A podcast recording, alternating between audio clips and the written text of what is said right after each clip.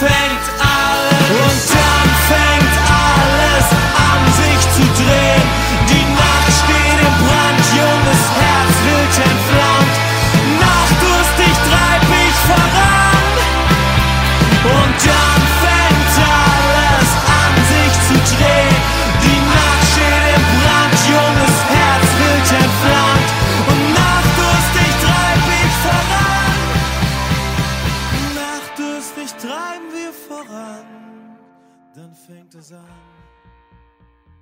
Hej och välkomna till Dryket Podcast. Podcasten som den enda podcasten till och med som diskuterar tysk fotboll överallt och ingenstans. Ehm, jag, ja, får helt enkelt hälsa båda mina vapendragare Erik välkomna tillbaka. Ja, tackar, tackar. Tackar, tackar. Appqvist, hur har ehm, din vecka varit? Ja, men det har varit en bra vecka. Det har flutit på allt som det ska helt enkelt. Och sen har det ju kröntes ju helgen av, en, av ett trevligt resultat också. Just det, i Dryket derbyt ju. Kommer återvända lite grann till det där. Ehm, Boldén, hur var din helg? Och vecka? Eh, jo, men det har varit bra. Inte så mycket, inte så mycket att klaga på, mer än bara lite trötthet bara sådär. Men eh, jag har väl mer att klaga på som fotbollssupporter, men vi lär ju komma till det som sagt. Och jag har haft en av de värre veckorna i mitt liv, men det, det kan vi ta en annan gång. Ehm, ja, det har ju varit en extremt händelsefylld helg och vecka i den tyska fotbollen. Um, och jag tänkte väl, ja, liksom de senaste två gångerna, um, börja även den här gången med ett kort svep för att sammanfatta allt som har hänt och allt som inte har hänt i uh, den galna tyska fotbollen. Snäll, snäll, Oj vilken fart för helg det har varit och oj vilka mål vi fick skåda. I Dortmund fick, var släkten värst när Marius Wolf gjorde avgörande målet mot sin gamla klubb Eintracht Frankfurt. På lördagen spelades en drös matcher och för första gången på många år gick inte en enda klubb mållös denna omgång. Vi njöt, vi tjöt, vi grät eftersom vi kanske aldrig får se Bundesliga vara så här Bundesliga igen på länge. Bayern sköt Leverkusen djupare ner för derbyt, Gladbach dödade Schalke med två fina anfall mot ett krackelerande försvar och i Mainz vände hemmalaget 0-1 till 2-1 mot Augsburg i slutminuterna. Sogndalen blev inte sämre heller med åtta mål och underhållning precis överallt. Helgens höjdpunkt kom på söndagskvällen när Freiburg spelade 3-3 mot Stuttgart i djupaste baden. Utöver detta, jo, en helt galen helg i Bundesliga som visade varför den är mer förutsägbar än en kazakisk landsherre där SJs Paderborn slog Köln med 5-3 i Dornstadt och inför drygt 30 000 i resten spelades den tidigare uppskjutna matchen mellan Dynamo och HSV. Sjukt? Jo tack. Snäll, snäll, jag tänkte fortsätta avsnittet helt enkelt med att eh, prata om någonting som har blivit lite mm, talking point inom eh, den tyska fotbollssfären under den senaste, eh, ja, sista, senaste helgen egentligen och det är då skadeläget i Niko Kovacs Bayern München. Um, där såklart Tolisso gick sönder och Rafinha gick sönder i helgen. Um, de har även ett, ett ganska tunn trupp på flera positioner redan innan. Eh, uh, Alkvist, vad anser du kring ditt kära Bayerns ehm, trupp, din, ditt truppsituation just nu? Den ser ganska så ranglig ut, gör den inte det? Eh, ja, när det kommer till ytterbackspositionerna så gör den ju det helt, helt klart. Så, så tappet av Rafinha är ju är det stora tappet här. Så att ha en backup, eh, backup ytterback, han vikarierar ju både för höger och vänsterbacken. Eh, att vi tappar Tolisso är ju tråkigt men vi har ju fortfarande 7-8 mittfältare till som kan spela på hans position. Så det, där hade det kunnat vara värre. Men, men, men just att vi tappar Rafinha är, är jobbigt och vi behöver fler ytterbackar. Och det, det var konstigt att man, man sålde Bernat så sent utan att ta in någon mer, kände jag. Det kändes extremt underligt, väldigt oplanerat också på någonstans, vilket är väldigt det är inte mycket Bayern och varken det är inte heller mycket Kovac eller Uli Hörnens eller Rummenigge att inte planera eh, sin trupp väl. Så att här finns det i alla fall i mina ögon en stor risk för att Bayern och Kovac gjort ett stort, stort misstag. Ehm, um, Boldin, ditt Leverkusen förlorade ändå mot, mot, mot Bayern då i helgen och just i den matchen så fick ju då um, Bayern de här två skadorna. Vad känner du kring, kring Bayerns skadeläge? Finns det några risker för den här säsongen i, i just det? Uh, ja, det är klart det finns det om det nu om det nu skulle fortsätta. Eh, alltså, jag tycker ändå att eh, av det man har sett nu ändå så klarar de det ganska bra trots, trots skadorna. Men det, man får nog se till att kolla upp vad som hur skadorna och så kommer till. Men såvida det inte blir något mer så borde det vara lugnt tror jag. Mm. Jag tänkte fråga dig också med tanke på att gick inte Tolisso sönder i och med eh, tackling från Belarabi? Ja, visst var det du så. Det var var det som gick sönder. Jag tänkte fråga dig Boldén vad du känner kring Belarabis tackling? Tre ja. matcher och 10 000 avstängning. Eller 10 000 i Ja. Eh, otroligt onödig. Eh, just när det är i stort sett det första han gör egentligen när han kommer in. Det är väl i stort, jag tror det var, jag tror det tog 7-8 minuter tror jag. Eh, tills han gjorde det där och eh, ja, alltså det, Återigen så är det någon, det ligger nog bara någon frustration hos spelarna som är med väldigt onödiga tacklingar. Ja, jag var, jag var klart förbannad när det hände. Jag förstår verkligen det. Appelqvist, vad känner du kring en tackling? Var det, var, var det värt de, eh, de åverkningar som det har fått? Oh ja, oh ja det, jag tycker det där ska inte vara okej att göra på en plan. Han anfaller ju liksom hans hälsena och det är inte konstigt att den liksom går av när, när, när, han går in i den tacklingen. Så nej, jag tycker det är, det är fullt givet att han ska vara borta i flera, flera matcher. Mm. Um, jag håller väl nästan med Hönes om att han ska... Hönes gör ju vad Hönes gör när han, när han snackar, men, men han menar ju på att det där, det där är något av det värsta han har sett. Så illa kanske det inte var, men det är fortfarande riktigt illa. Då har gubbjäveln fan mig inte sett mycket ska jag säga. Jag känner här när jag hör det. Alltså. För att alltså, visst, visst det var en extrem full tackling, det hör inte hemma på fotbollsplan, men hallå. Alltså, alltså visst, och matchers avstängning definitivt, böter definitivt, men det, det värsta man sett på fotbollsplan, nej, hallå. Alltså då måste man ha blundat i, i, i åratal, men det har väl visst visserligen det hunnit gjort också, så att det, det, det kanske inte man behöver dis- diskutera.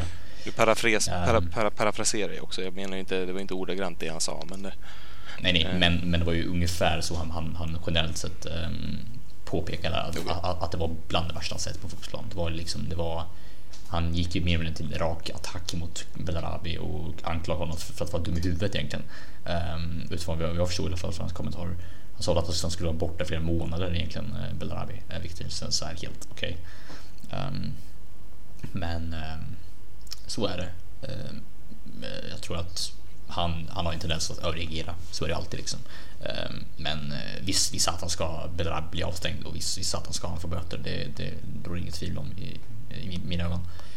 Ehm, ja, alltså det här har ju, de har ju inte haft något svårt spelschema ännu, Bayern München. De har ju ändå haft, de har spelat tre matcher än så länge. Um, och har inte haft något jätteproblem i någon av matchen egentligen. Så att, men det känns som att det finns en viss risk nu när man nu går in i Champions League att man kan få en del belastningsskador och då står man där och måste spela med liksom en ungdomsspelare på ytterbacken. Speciellt i och med att den enda kompatibla ytterbacken i sitt ungdomslag som man har, jag vet inte, Marco Friedel, han är utlånad till, Werder Bremen. Så att absolut, vad känner du liksom, hur, hur, hur ska man ta, s- vad ska man ta sig till om det är så att oturen är framme och man får en skada på Alaba eller man får en skada på Kimmich? Och vad gör man då? För att det är ändå så att belastningsskador när man spelar så många matcher som de kommer göra, det kommer mycket väl kunna hända.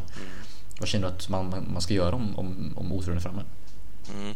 Det är inget tvek om att Alaba kommer skada sig. Det gör han ju varje säsong. Eh, Så han kommer åka bort i någon vecka, nå- några veckor sådär.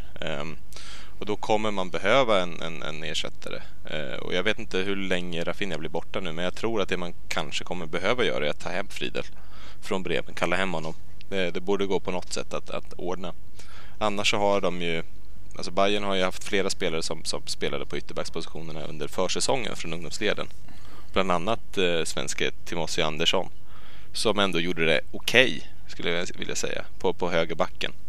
Um, så det finns om man verkligen, verkligen behöver. Det vore ju ganska coolt att se honom kliva fram i, liksom i, i Bundesliga eller cupen och täcka upp för Alaba på vänsterbacken. Det vore ju en skaplig chock, eh, tror jag, för väldigt många svenskar. Mm. Speciellt väldigt många helsingborgare eh, främst. Så det, det vore ju en, eh, väldigt, väldigt kul att se, men det borde inte vara jättesvårt att plocka hem Marco Friedel egentligen. Jag menar, hur mycket, mycket har han spelat i Bremen? Knappt nå- någonting alls antar jag. Det är väl Lu- Lu- Ludde som har abonnerat vänsterbacksplatsen Mm. antar jag. Så att det borde inte vara jättesvårt att plocka hem honom. Nej. Han lär väl vilja hem om det finns en chans att Jo, han kan spela Bayern München. Liksom, så att, Eh, men ehm, det, är- det är inte det optimala om man ska ta sig långt i, på alla fronter så att säga. Att Mm. plocka hem eh, Marco Friedel. eh, Oavsett hur bra han är. Jag har ingen jättekoll på hans kvalitet om jag ska vara. Men eh, det finns ju stora risker just i, i den här situationen som de satt sig själva i i och med att de inte, de inte värvade in någonting alls egentligen. Nej men precis. De, och så sålde de liksom Bernat och, och även Rudy. Så att ja, ja det, det finns en viss oro tror jag hos eh, ganska många Bayern-sportare att det kan bli ganska så knepigt där. Eh, vad säsongen sig lider. Men jag tänkte att vi skulle gå vidare om inte Appelqvist har någonting till. Nej, det var det jag tror att jag sa fel namn. Timos Andersson är ju precis Helsingborgs stubbe. Jag menar han, eh, Tänkte väl han, Ja, just det, han från eh, Luxemburgaren. Luxemburgaren, ja. Just Ehm, såklart. Han har, han har ju... Johansson heter han. Precis, så var det. Eh, Det var honom jag tänkte på. Jag tyckte att det var lite konstigt i tankarna också. Men Eh, är inte Timothy Andersson klar för Bayern? Jo då, men, men han, han är ingen ytterback. Han är, han, nej, det är han inte. Jag tänkte att han väl inte var anfallare. Jo, Eh, och han är fortfarande kvar, kvar i Helsingborg jo också. precis. Nej, precis. Så, så det, blev, det blev lite fel där så jag tänkte det kan Ja. vara bra att säga det. Johansson, ja, just det. Precis. rättelse så att säga. Mhm. Men det är bra. Ehm, jo, men jag tänkte att jag skulle gå vidare till Europa i och med att eh, ja, men Bayern spelar imorgon mot Benfica. Eh, och imorgon då för lyssnande är onsdag så att idag, ikväll spelar de mot, mot Benfica. Ehm, och jag tänkte att jag skulle helt enkelt börja med den matchen. Vi ska gå igenom alla, alla Europamatcher som, som, ehm, som vi kommer kunna gå igenom. Ska jag säga. Men jag tänkte börja med Benfica mot Bayern. Hallqvist, vad är dina förväntningar inför den här eh, första matchen i Champions League? Eh, ja, men de är ganska stora. Um, jag, jag ser fram emot först och främst att det, ska, att det bara startar. Det startar ju idag, tisdag. Um, vi, vi spelar in där innan eh, kvällsmatcherna. Då. Det, det har gått en omgång då, eller en. Det har spelats två matcher idag redan. När vi spelar in där. Men, men eh, jag ser fram emot att Bayern ska gå in i turneringen och jag ser fram emot att uh, förhoppningsvis ta poäng, tror jag. Eh, Benfica på bortaplan är svårt. Ehm, så jag, hoppas i grund och botten på poäng men jag, jag tror ändå att vi, vi kommer kunna ta hem alla poäng. Mm, det känns rimligt faktiskt. Um, visst, visst Benfica är knepiga och de eh, kan alltid chocka, men jag menar, Bayern Bayern München är Bayern München och har de en normal då så ska de ju plocka den här matchen. Håller du med Boldén? Ja, det är klart jag håller med. Eh, De ska kunna plocka det ganska enkelt. Eh, Visst att det kan vara Ibland kan det vara tufft på bortaplan och sådär mot Benfica, men jag, jag, jag ser inte riktigt hur Benfica ska kunna vinna matchen. Just det. Eh, För att ditt Bayer Leverkusen står ju inför en, ehm, en, kan man säga, nästan lite knepigare match kanske mot Ludogorets. Mm. Ehm, Den är på bortaplan om jag inte minns helt fel. Ja, precis. Ja, och Ludogorets bortaplan eh, är inte det lättaste. Det är ju nog i, i Razgrad i Bulgarien. En ställe jag inte är jättesäker på exakt var det ligger. Razgrad och Bulgarien vet var det ligger. Men, eh, så att, ehm, det, och de har en rätt så knepig arena att spela på. Rätt så knepig, knepiga förhållanden överhuvudtaget. Det kan vara väldigt, eh, väldigt tung plan eventuellt. Ehm, svårt att spela. bland- ehm, helt, helt nytt land, helt ny miljö. Ehm, tror du att Leverkusen kommer ha stora svårigheter mot, mot Ludogorets? Kanske till och med förlora eller tror du att det kommer bli en walk in the park så att säga? Ja, om det nu har sett ut som de senaste matcherna så lär det bli problem tror jag. Men eh, förhoppningsvis tror jag ändå att om man, alltså, om man ser på pappret så ska det ändå vara alltså vinst, kanske inte stor men i alla fall knapp. Men ja, jag, jag, jag, går väl in, jag försöker väl att inte gå in med så jättehöga förväntningar så får det se eh, vad det lider helt enkelt. Eh, får, förhoppnings, förhoppningsvis så får vi i alla fall se kanske att eh, Paulinho kanske får starta och sånt där. Så att, eh, det blir ändå en, en kul match att se. Jag tycker väldigt synd om dig för att för, för bara någon månad sedan eller kanske drygt en månad sedan så hade du suttit och sagt att visst, vin, visst vinner vi det här liksom. Ja, Du hade varit väldigt självsäker men efter Mm. den här säsongstarten så är det Ja. ingenting säkert. Eller en Leverkusen känns det som. nej verkligen. Det, ja, lite så. De skulle teoretiskt sett kunna spela hemma mot Duisburg och man skulle ändå ställa sig frågan kommer det här gå vägen liksom? Ja, ja, ja men det känns verkligen så. Tyvärr. Eh, Så att, ja, det är tragiskt blivit som en hoppas att de rycker upp sig efter, efter um, helgens match och även de senaste två matcherna. De har ju noll poäng i, i Bundesliga. Ja. Ett av två lag som har det. Mm. Andra är Schalke eh, som spelar i eh, nu faktiskt. Just nu spelar de. Eh, så att den matchen kommer vi inte kunna direkt ge er några uppdateringar kring. Men eh, mitt kära Frankfurt spelar ju dock i, på torsdag mot Marseille eh, bortaplan och eh, ett par saker kring den här matchen har fått mig att bli ganska så irriterad. Jag ska, förklara er, för er vad det handlar om. Ehm, för det första så är det så här att eh, matchen är ju, ska spelas inför tomma läktare. För att Marseille-fansen har dummat sig i Europa. Ehm, och dumma sig i Europa, det vet Frankfurt-fansen mycket om eh, såklart. Men ehm, de har ju dummat sig nog, säger så, så att de har blivit avstängda.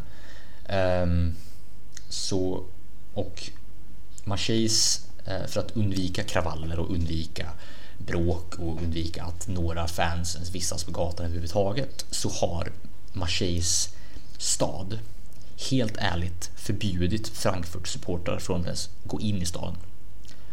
Um, ja, det är helt sant. Alltså, det, är, det är helt sjukt. Det är bland, bland det sjukaste jag har hört i, i, um, i vad gäller liksom, alltså, relationer mellan, mellan, mellan supportrar och, och klubb. Um, och det här har då gjort att Frankfurts eh, sportchef, nej inte sportchef, deras Frankfurt direktör Axel Hellman har gått ut och mer eller mindre fördömt Marseilles stad och sagt att det här är helt omänskligt, helt orimligt. Liksom, vad håller ni på med? Ni kan inte, ni, ni kan inte förbjuda människor från att, från att gå in i en stad, det är helt olagligt. Eh, så att det här, jag vet inte riktigt, det, det, det var osar Marseille för mig det här. Det, det, liksom, det finns få saker som är så mycket Marseille som att få först få um, först ha, stänga av sina egna fans och sen stänga av andras fans för att ens gå in i staden. Förstöra hela fotbollsupplevelsen för, för, en, för en, en fotbollskult i Frankfurt som har längtat efter det här i typ sex år. Nej, det gör mig riktigt grovt irriterad. Um, jag kanske men matchen i sig eh, kommer inte alls bli lika intressant som om det hade varit den inramning som eh, Velodromen känns väldigt mycket känd för. Speciellt om vi hade då sett då, eh, Marseilles fans mot Frankfurts fans på läktarna. Det hade blivit en skaplig inramning. Nu kommer det bli ganska tråkigt, ganska tyst. Eh, väldigt bara, ja, som ett... Allting ekar ju i en spökstad liksom. Så det, det kommer bli eh, väldigt tråkigt att se tror jag. Uh, matchen i sig vet jag inte vad jag, vad jag hoppas på. Jag hoppas nog på ingenting alls från Frankfurt. Hoppas på uh, en poäng. Det är väl det jag hoppas på, en bra insats för att ta oss ur den här lilla svackan som vi befinner oss i. Men just det här med uh, det administrativa från, från, från Marseilles stad, från Marseilles klubb, att stänga av hela stan för Frankfurt-supportrar, det gör mig helt, helt, illvillig. Alltså, det är vansinnigt. Um, galet. Vad är, vad är anledningen till att de stänger av från staden? För att de vill undvika um, bråk. De, de anser att, att det är en, alltså en hög risk att, att fansen ändå åker till, eh, till stan eftersom Frankfurt då gjorde det till Bordeaux och kom dit med typ 13 000 när de hade 3 000 i biljetter. Vilket såklart är på grund av Uefas jävla idioti. Men eh, i det här fallet så har de stängt av matchen helt och hållet. Så att det är ändå helt... Varför kan inte Frankfurts fans i alla fall några stycken får åka ner och liksom stötta laget från någon pub Alltså det, det, blir så här, tänk på alla de, de supportrar som så fort matchen släpptes köpte biljetter och som hade biljetter till den här matchen som nu inte får åka dit för att Marseilles stad och, och klubb har stängt av hela staden för Frankfurt-fansen. Alltså det är helt eh, orimligt på något sätt. galet. Så att, ja, det är en sån här, ännu en gång en sån här rädsla för för eh, fotbollskultur liksom. Men då måste ju, då måste ju Marseille stad betala tillbaka de biljetterna också. Ja men precis, det borde, det borde de Det måste de alltså, göra. Jag tror att det, det måste de göra. Alltså, Frankfurt men, måste ju anmäla dem för det här. Ja, alltså, det måste de göra. Det är jag övertygad om att de inte kommer göra också. Um, utan tvekan. Det är ju, alltså sagt, Frankfurts klubb är ju galen på grund av det här. Det har varit skapliga Eh, Ehm, eh, protester från Frankfurts ledning och ehm, det här är nog ingenting som kommer lösas lättvindigt utan jag tror Marseille kommer få betala ganska mycket för det här. Ehm, men eh, jag vet fan, jag är väldigt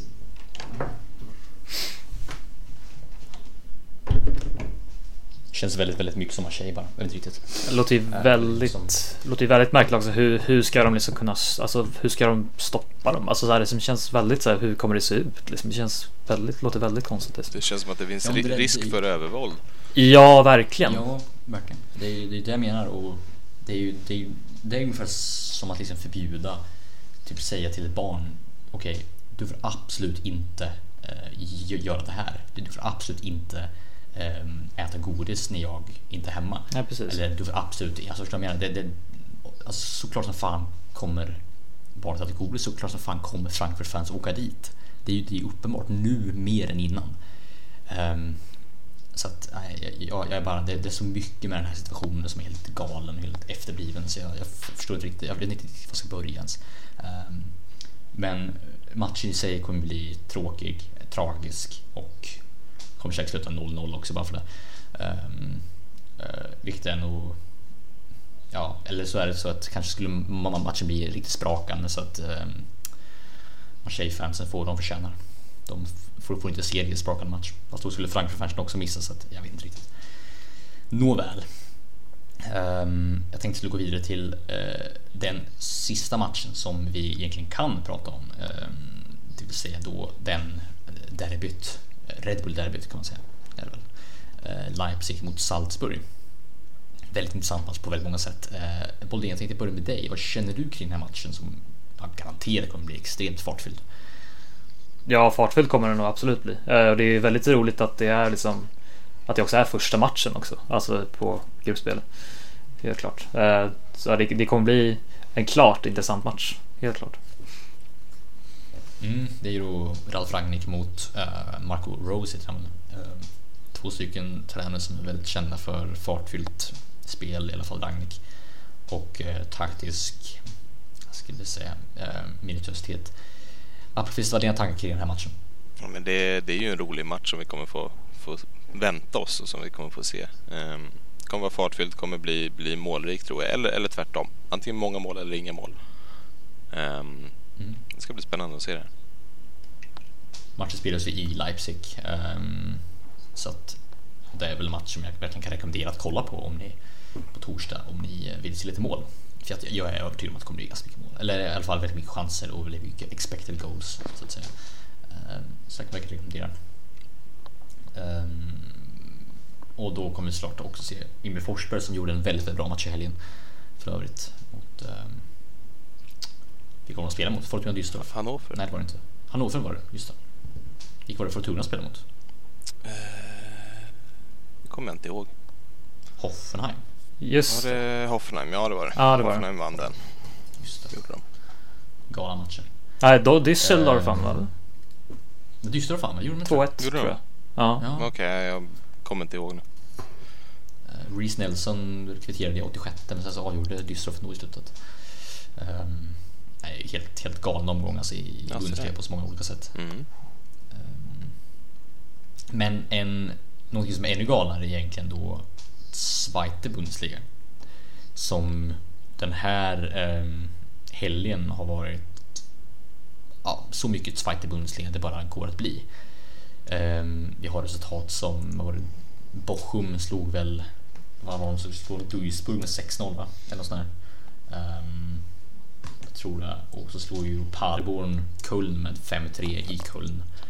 Um, Greuther Fürth fortsätter vinna, vilket är helt oväntat. Det är um, uh, Aue slog St. Pauli ganska oväntat också.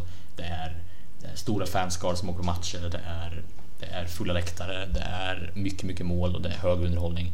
Kvaliteten kanske inte alltid är den bästa, men man garanteras extremt hög underhållning och de som följer Zweite Bundesliga säger alltid att det här det måste vara den, en av de absolut roligaste ligorna i, i hela Europa att kolla på. Um, Almqvist, hur mycket följer du Zweite Bundesliga? Följer den ju mindre än vad jag borde göra. Um, det är väl mer värt att jag har tid att följa resultat och livescore snarare än själva matchen och det, det är tråkigt. Um, men om vi bara kollar på den här omgången så är det, det är ju sjuka resultat vi har sett och det är sjuka matcher som har spelats. Rakt igenom alltså. Uh, nej, jag håller med. Jag, jag har också negligerat Zweite Bundesliga lite för mycket och det har ju såklart att göra med att den inte, inte finns så jättetillgänglig längre. Um, eller längre. Jo, det här fanns på, på Eurosport förr. Um, nu får man ju kolla via streaming-sajter. Medan Bundesliga finns via Viasat. Um, Boldén, hur hur mycket följer du Bundes, äh, Zweite Bundesliga? Eh, ja, men lite, lite som sagt innan, liksom, som Abiki säger, att jag följer den mindre än, jag var, än vad jag borde och egentligen vill. Eh, men det är ju mycket för att som sagt att det är, den är inte jättelättillgänglig och eh, många gånger så brukar det ibland också krocka med liksom, ja, både Leverkusen men också lite större matchen också liksom, i Bundesliga. Mm, man har ju inte ens att välja dem för speciellt när de är mer tillgängliga eh, för oss. Ja, precis. Det brukar bli så ibland. Så. Um, har ni märkt hur mycket Bundesligas Twittersida negligerar Zweite Bundesliga?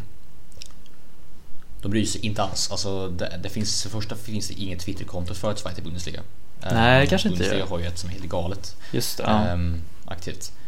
Och Bundesligas Twitterkonto själv, det, de bryr sig knappt om Zweite Bundesliga. De, de twittrar aldrig om det, de, de rapporterar aldrig om vad som händer. Um, vilket jag tycker är helt absurt. För att det Ja. är ju en så extremt kul liga som skulle kunna locka så oerhört många nya målgrupper till att bli intresserade av tysk fotboll. Mm. Jag, menar, jag, jag hör, jag ser nästan dagligen folk på, på Twitter som har Twitter eller andra sociala mediesidor som har besökt och kollat på en match i Zweite Bundesliga. Senast var det Union Berlin tror jag när jag såg någon besökt och var helt salig. Alltså helt lyrisk över allting. Det var liksom, det var som att, som att gå till en pub och ha en live fotbollsmatch mitt framför en. Um, som en slags Brentford fast på crack liksom. Eh, Så att Ja men Union Berlin är väl typ som sagt Brentford på crack kan man helt enkelt säga. Det är ju en del av Berlin som också har en del crack i sig så att det känns ju som en ganska slående jämförelse egentligen. Ehm, men överhuvudtaget så känns det som att Zweite Bundesliga, ja egentligen hela Europa har negligerats oerhört mycket, speciellt av då i Tyskland själv. Och det märks väl också även i det svenska landslaget. Vi har ju en del svenska spelare som har gjort dundersuccé i, Zweite Bundesliga de senaste tre åren egentligen. Men de, de negligeras också på grund av att det inte finns någon tillgänglighet. Det, är inte lika populärt och även fast jag tror också att det, att det, det, det betyder mycket att tyska medier inte alls rapporterar lika mycket om Zweite Bundesliga heller. Mm. Vilket jag tror är bra. Men jag ställer frågan till nu, börjar med dig Boliden. Tror du att Zweite Bundesliga, inte kvalitetsmässigt men på alla andra liksom plan, är en av de bästa ligorna i hela Europa?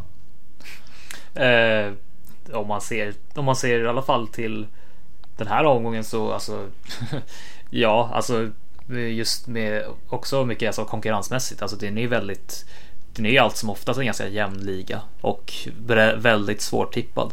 Eh, så att eh, på det sättet gör det till en helt klart väldigt rolig liga och eh, ja, såklart betydligt mer roligare och på något sätt följa än ja, kanske många andra liksom, större ligor ute i Europa som kanske får väl mycket beröm ibland.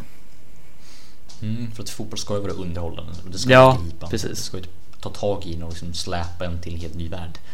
Någonstans. Och det tycker jag verkligen att Zweite Bundesliga gör. Eh, Alkvist, tycker du att Zweite Bundesliga är en av Europas bästa ligor? Metavärdemässigt då såklart, inte kvalitetsmässigt. Jo. Nej men det kan jag nog hålla med om. I alla fall men som, som Boldén var inne på, sett till den här omgången och sett till, sett till hur oviss den är. Um, och allting runt omkring förstås, det är ändå Tyskland vi är i. Um, så, så är det ju... Jo men då, då, jag, då är jag benägen att hålla med.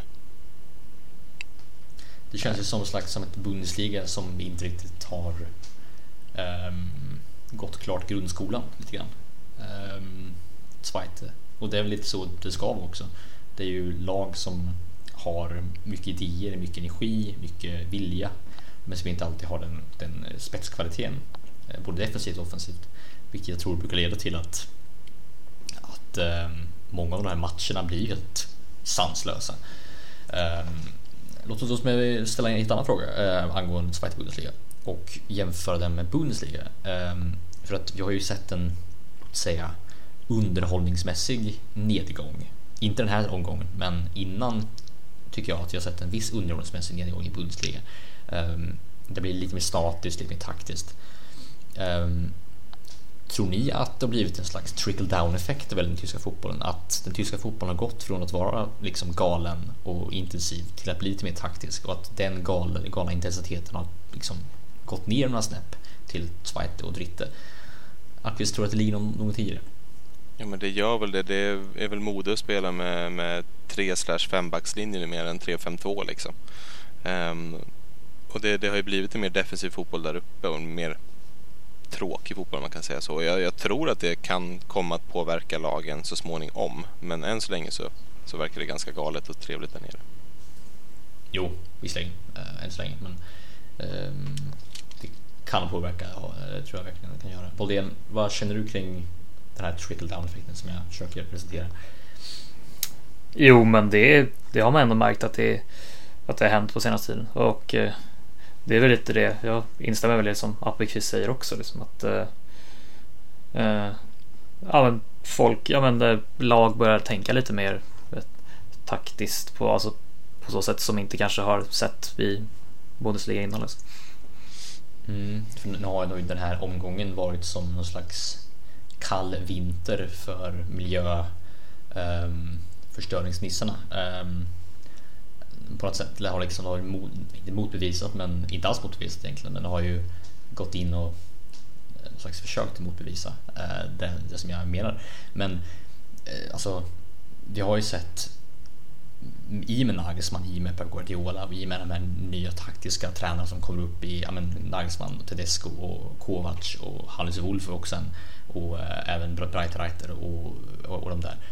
Äh, tror att det finns en risk för att den tyska fotbollen som många känner den, det vill säga den intensiva galna fram och tillbaka, kan försvinna? Appelqvist, jag börjar med dig.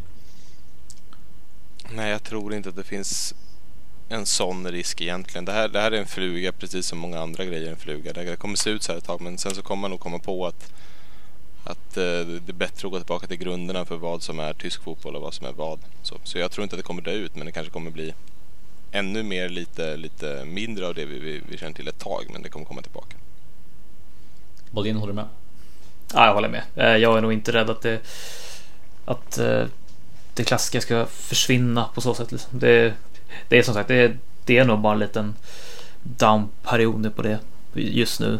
Men eh, det kommer komma tillbaka sen. Det tror jag absolut. Mm. Kanske kommer det röras upp till en enda salig blandning där vi får se en, en taktisk galen fotboll. Det vore ju det bästa kvalitetsmässigt för den tyska fotbollen för då hade, skulle vi ha eh, intensiv och kul fotboll med, med en hög och tanig fotboll på alla sätt och vis liksom. Kanske vore det bästa. Men eh, jag tycker att Zweite Bundesliga är ett slags exempel på hur vad som händer när det blir eh, mycket vilja, eh, mycket energi men inte jättehög kvalitet på varken anfall eller försvar. Eh, och det är ganska intressant att se för att det känns som att Bundesliga var mer så förr. Ja, då tänkte jag att det skulle vara dags att gå in på eh, sista delen av den här podcasten som kommer i lite kortare avsnitt på grund av lite tekniska problem som vi har haft. Um, Erik Bodén var tvungen att dra emellan för att vi spelar in här morgonen efter. Um, så att eh, vi avslutar helt enkelt med Svenskkollen som jag eh, har lämnat över till Erik Appelqvist. Så Appelqvist, varsågod och kör. Mm, tackar, tackar. Eh, det var en förhållandevis tyst helg för svenskarna i de tyska ligasystemen. I Zweite Bundesliga spelade Basse Andersson hela matchen medan Union Berlin spelade lika med Duisburg. Kollegan Simon Hedlund fick även han hoppa in med fem minuter kvar till stopptid. Ehm, den tredje Zweite Bundesliga-svensken eh, som fick spela i helgen och i, igår tisdag var, var Linus Wahlqvist som fick spela för två matcher för sitt Dynamo Dresden. Um, inte mer, inte mindre. Um, I Bundesliga såg vi aningen fler svenskar i spel. Men även där var det relativt, re, relativt tyst. Um, I svenskmötet Bremen-Nürnberg startade både Augustinsson och Ishak för sina respektive lag. Men där båda stod för mediokra insatser. Eh, Oskar Wendt spelar som vanligt för Gladbach. Den svenska vicekaptenen spelar 90 minuter och det är kul att han har fortsatt förtroende från Häcking på tränarbänken. Även Robin Quaison gjorde, han, gjorde 90 minuter. Men eh, ingen insats som direkt blixtrade till i Mainz eh, fina, fina seger. Ehm, dock hade vi en svensk som, som eh, gjorde riktigt bra ifrån sig. Det var, det var Emil Forsberg som var tillbaka i gammal god form när han dubbelassisterade radarpartnern Timo Werner och såg all, allmänt pigg ut. Eh, frågan är vad det är för känning som höll honom borta från landslagsspel egentligen. Känns väl troligare att relationen till partyjanne har tagit sig en viss törn. Dystrare var det för Kiese Thelin som satt fast på bänken när Leverkusen fortsatte sin skeppssänkning mot Bayern. Och vidare dystert var det även för läktartrion Isak, Ergota och Kujovic som samtliga har sina stolar på läktaren. Inget överraskande där. Nej, men precis så. Det är ingenting överraskande överhuvudtaget egentligen. Um, kul att Forsberg går bra igen. Kul att se Wendt spela. Han gjorde en väldigt bra match faktiskt mot Schalke. Um, gjorde nästan en assist kan man säga. Uh, blev, blev ingen assist för att Alessandro, uh, utan uh, Pia rörde bollen för Herman slog till men mer eller mindre kan man säga. Det var hans inlägg vilket, som ledde Vilket mål det var också som Herman gjorde. Ja, det var supersnyggt. Det var många snygga mål i år. Verkligen. I, i helgen. Eh, Jo, verkligen visst var det det. Det var ju nästan varenda match hade ju ett mål som var riktigt dundersnyggt. Um, kändes som. Det var väl en Bolos mål mot, mot Gladbach i sista minuterna var ju hur snyggt som helst. Dundrade upp Ja. i krysset. Eggersteins mål var ju uh, riktigt vackert och uh, Gomes gjorde en riktig pärla också om jag inte minns helt fel. Så att del- gjorde ju också en kanon. Ja, så att det, fanns eh, en drös riktigt vackra mål Jo. som bara blev grädde på moset i den här... Grädde på moset, jag hatar uttrycket. Jag menar, grädde på mos. Ska man ha grädde på potatismos? Ja, det, det, men det är ju lite extra, det är det som är grejen. Ja, men Det smakar behöver gott. inte vara gott. Nej, Man brukar, man brukar väl säga körsbäret på, på, på grädden annars. Nej, just det. Just det. Men då är det fortfarande körsbäret på grädden som är på moset. Det blir körsbär, grädde och potatismos. Jag vet inte riktigt hur, hur gott. Det låter väldigt gott. Tycker du Nej det? men, Ja, nej. Nej. Nej men eh, jag tycker det är ganska, ganska sjukt att Oscar Wendt ändå, hur, hur gammal är han nu? 32? Ja, Och fortsätter liksom ha den, den statusen. Så han har ju nästan högre status än vad Philip Dems någonsin hade. Han var ju ändå kapten liksom. Just det. Eh, det känns som att Oscar Wendt aldrig kommer lämna den där klubben. Nej, det vore Även fast han pratar om att nästa säsong ska han väl hem till Göteborg. Men det känns som ett kontrakt till kan vänta kanske. Eller, eller att han kommer återvända till klubben i ett senare skede. Mm. Jag kan tänka mig att han kommer ses som en riktig klubbikon faktiskt i, framtiden. Eh, De har ju, det är en klubb som har en lång historia och jag tror att han mycket väl kan slå sig in som en av de mer profilstarka ytterbackarna han har haft i sin historia. Som säger han är ju, liksom, han är ju mer, egentligen mer uppskattad och mer, um, får spela mer än vad Filip Fickdems gjorde strax för, för han drog till, uh, tillbaka till Belgien. Så att, ehm, det är ju han, har ju uppenbarligen en ganska stor roll och tydlig roll i Gladbach som, som en väldigt viktig ledspelare. Så att, ehm, jag, jag är väldigt, väldigt glad att se dem um, fortsätta prestera på den här nivån. Det är en väldigt, det kan vara en väldigt sympatisk kille också, Oscar Wendt. Jo, verkligen, ehm, verkligen. Det, det, det är väldigt, väldigt kul att se honom gå bra fortfarande. Även om man kanske inte hade förväntat sig något annat, han är väldigt stabil överhuvudtaget. Men eh, att hans offensiva kraft, hans löpkraft fortfarande finns kvar, det är väldigt imponerande. Jo men verkligen. Sen, eh, sen kommer han ju alltid vara lite svag i defensiven. Men, det, Mm. eh, men de, de, Gladbach brukar ha en helt okej mittback bredvid honom så länge det inte är din favorit Västergård. Nej, så. Men Nej. Nej, nu är det ju ändå Nu är det Ginter och det, är bättre. inte det är aningen bättre. Ja, det är verkligen. Så att, ehm, nej men det. Gladbach tror jag kan ha, få en ganska så fin säsong faktiskt. Ehm, Trots att vad man har förutspått. Um, om dit och allt det där. Men kan säkert bli ganska så trevligt tror jag. Jag, har- jag har nog en bättre tippning än vad du har där. Mm, Tror jag. tror jag har. Jag brukar placera dem ganska högt men det är för att man är ganska svag för det laget överlag. Det, det, det är ett genuint och fint lag. Liksom. Ja, klubben är man också svag för, för framförallt tror jag. Ja men precis. Klubbens Eh, statur och vad de står för och så vidare. jo. Eh, annars är det väl kul att se Linus Wahlqvist som, som börjar ta sin startplats nu Mm. i Dresden. Det är roligt. Eh, riktigt kul. Det är, det. det är ju en spelare som man har länge hoppats mycket på och även hoppats att han ska gå till just Bundesliga nu, eller Tyskland överhuvudtaget. Nu har han gjort det så att, kul att se att han får spela också. Um, en ytterst lovande högerback. Um, vi har ju vi har väldigt, väldigt många svenska ytterbackar i, i alla fall. Jag har ju fyra stycken med i, i ligan. eh, Wendt, Augustinsson, Beijmo och eh, ja, fyra. och eh, Wahlqvist. Så att vi har ju ändå en... Det är väl egentligen bara kraft som saknas så har vi ju egentligen alla som, som aktuella nästan känns som. Det är väl Lustig då men han, han Ja, jo, spelar i han kommer nog inte lämna Celtic. Nej, och han lär väl inte vara aktuell för landslaget så jättelänge till heller. Så att Nej. det är ju... Det är Men det ska väl vara typ Tinnerholm. Ja just det. det är sant. Men eh, jag tror inte att han kommer komma till Tyskland. Nej jag tror inte. Inte när han är där borta i USA. Om han fortfarande varit i Allsvenskan kanske. Men Mm, speciellt inte när han är i, i New York liksom. Det känns ju... Det känns lite, lite, inte, det känns lite tveksamt att liksom lämna New York för Bochum liksom. Det känns inte som att det är det- mest attraktiva. ja, då skulle det vara New York för, för Hamburg. Ja men typ. Skulle jag tro. Eller Frankfurt så skulle han känna sig lite mer hemma tror jag. Manhattan. Men... eh, men En så. aning kanske. Ja, det kanske. Visst är det så. Ja, nej. Um, har du någonting mer att tillägga? Nej, inte direkt. Det är väl mer mer att det är fortsatt, fortsatt mörkt på horisonten för Isak Ergota och Kujovic. Men det, alla Mm. verkar ändå relativt nöjda. Det, det är lite konstigt. Ja, Kujovic verkar vara rätt nöjd. Jag vet inte riktigt varför inte Dortmund bara lånar, ut Isak. Det, jag förstår Ja. inte någonstans. Alltså. Eller, eller om det är rakt av så att, att han själv inte vill bli utlånad. Det var också jätteunderligt. Uh, Hergota mm, är rejält under isen. Man hör ingenting om honom överhuvudtaget. Han, liksom, han tränar väl, men är inte mycket mer än så. så att det är... ehm, det kan inte finnas mycket nyheter heller om man ska vara ärlig. Så att, Nej. Eh, det, det känns som att det är tre spel som borde lämna på ett, ett, på ett eller annat sätt. Men Kujovic verkar vara väldigt nöjd. Han kanske kommer få mer speltid framöver när eh, det börjar bli lite jobbigt i, för, eh, en, för typ Henningsson där. Men än så länge så verkar det vara rätt så kört för honom att, att speltid. Men han verkar ju förstå det också till skillnad från Egent liksom. Där han ändå inte fick göra någonting. Han kom dit och blev placerad på läktaren direkt liksom. Jo men så är det så. Eh. Det är ju, det är ju väldigt eh, bra att han verkar liksom tagit den här rollen med någon slags eh, förnöjsamhet och verkar inse att det här kanske är den rollen som jag måste ta. Men det är ändå, det är ändå synd att, att, att han inte får spela. Men alltså, jag vet ja, men precis. Alltså det, han har ju själv kommit till en klubb som, som nu spelar i och gör det bra i då, en av Europas bästa ligor. Och, en av Europas eh, absolut mest hektiska ligor. Så att det, det, han kommer att få speltid vad som lider men han får vara tålmodig och vänta på sin tur helt enkelt. Och det lär inte, bli mycket speltid om man inte gör jättebra ifrån sig det vill säga.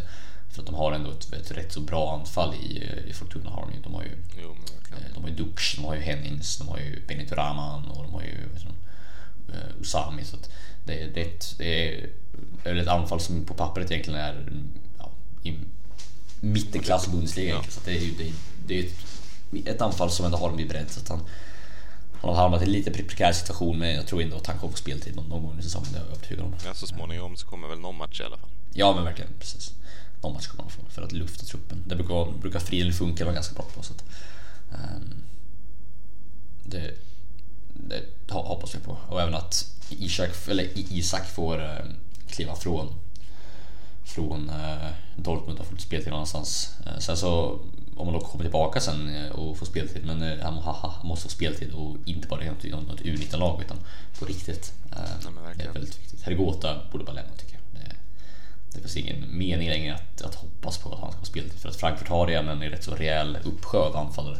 Nu, nu, nu presterar de inte, det är bara Haller som presterar men de har ändå en uppsjö. De har det Haller, Jovic, Rebic som kan spela anfallare där. Pacienza, alltså det är ett antal anfallare som är nivån över Hergota. Så att det, det ska mycket till för att han ska, speltid. Um, och det verkar, inte som att Hytter direkt värderar honom heller. Så att det, ja, nej. Han har till och med sagt att han ska ta sig vidare därifrån. Ja, men precis. Så att det, Ehm, så det, det verkar vara. Det var, det var en intressant värvning i början, men det är en, det är en vär- värvning och en spelare från en helt annan tid. Eh, en tid då Frankfurt behövde spelare av hans kaliber och inte spelare av en kaliber som är typ fyra år över honom. Som han behöver just nu. Um, Frankfurt har tagit steg och Hergota har inte riktigt hängt med så att det är ganska rimligt att han egentligen borde lämna. Det, det finns för mig ingen snack om saken. Men det behöver inte vara liksom skam i det heller. nej. Frågan är liksom vilken klubb han ska röra sig mot. Jag kan tänka mig att han ändå kan göra det helt hyfsat i, i en klubb som Nürnberg. Om man spelar någon 4-4-2 med, med Ishek och, och Argota på topp. Det tror jag absolut jag kan göra. Eller i, i någon toppklubb i Schweiz, eller mittenklubb i Schweiz för den delen. Ehm, Ja, starta om lite grann. Han verkar ju Precis. tycka om att bo i Tyskland i alla fall. Hans tyska verkar vara rätt bra också. Vilket är ganska rimligt. Han har bott i Tyskland i nästan 10 år nu. Så att, ah, Jo, åtta år. han, han kunde ju tyska flytande innan han åkte dit också. Det var ju det som var hela grejen. Ja just det, kunde ju. Han, skulle, ju- han fick ju erbjudandet i ung ålder att flytta till Gladbach men han stannade ett halvår till så han skulle kunna avsluta sina gymnasieutbildningar och lära sig tyska. Ja, då. ja, då kan han klara sig vad, vad han vill i, hela Tyskland. Så att ehm, ska nog... Ja, men han, han verkar sagt väldigt, väldigt trivas i Bundesliga och Zweite Bundesliga så att jag, jag kan tänka mig att han, han kommer att liksom bara... Om han flyttar så tar han väl ett steg till en annan klubb eller ett steg ner helt enkelt till Zweite Ja. Bundesliga. Eller så tar han ett steg upp. Helt plötsligt så stiger Dortmund in i bilden och tar in honom. Ja, det vore ju fantastiskt. Favre. Eh, Ja, jag vet inte riktigt om Favre är en, en coach som, som kan göra verkligen hörna med fjäder. Jag känner mer att Nagelsmann skulle kunna göra så kanske. Ja, jo, men jag tänker mig att Favre älskar ju Ergo. Ja, det är mer så. Jo, men, jo, Ja. men, så, så, men det stämmer ju såklart. Det, det skulle mycket väl kunna hända. Det får man inte glömma. Det, det är sant. Så det, det hade ju varit ett väldigt konstigt universum där, där Gota kommer in i Dortmund och tar Isaks speltid. Ja, det får du ju. Det hade ju varit... Ja, det var en Sjukt. riktigt cool dimension faktiskt. som skulle jag vilja uppleva. Men... eh, Ja, det känns ju som... Men eh, man, vet aldrig. Fotbollen är ju väldigt... eh, Ja, man vet aldrig, aldrig vad som händer in så att... Man vet aldrig. Nej. Sagt. Nej men det var väl ungefär de funderingarna vi hade va? Ja, det var det ungefär. Jag tänkte att vi skulle runda av avsnittet. Det blir lite kortare, som sagt, lite tekniskt strul. Eh, lite tidsbrist också. Eh, ni får ursäkta, vi kommer tillbaka nästa vecka med lite mer matigare avsnitt. Eh, så eh, får ni helt enkelt nöja er med det här tills dess. Eh, men eh, jag får tack för oss helt enkelt eh, och säger då ciao. Ja, auf Wiedersehen. Och så säger då Bodén tjus.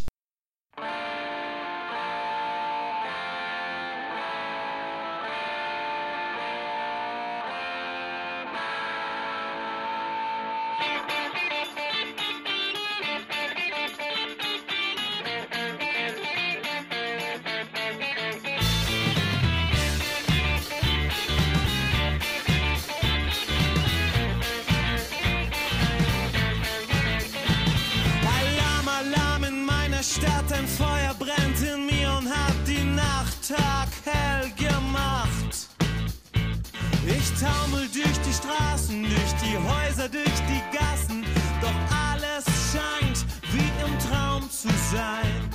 Denn ein paar junge Blicke fangen Feuer, das Gerücht geht um, die Nacht steht heute in Brand. Und dann fängt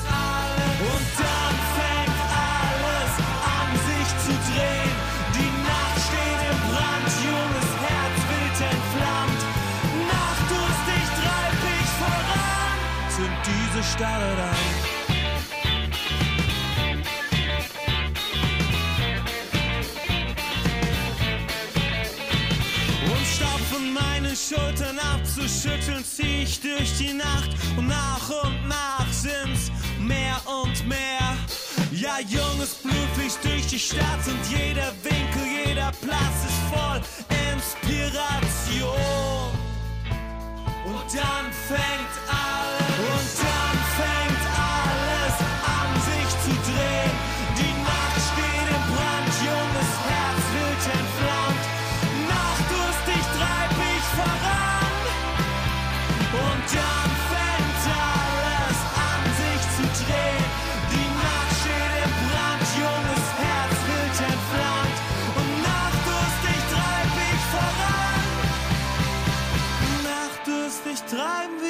voran, dann fängt es an.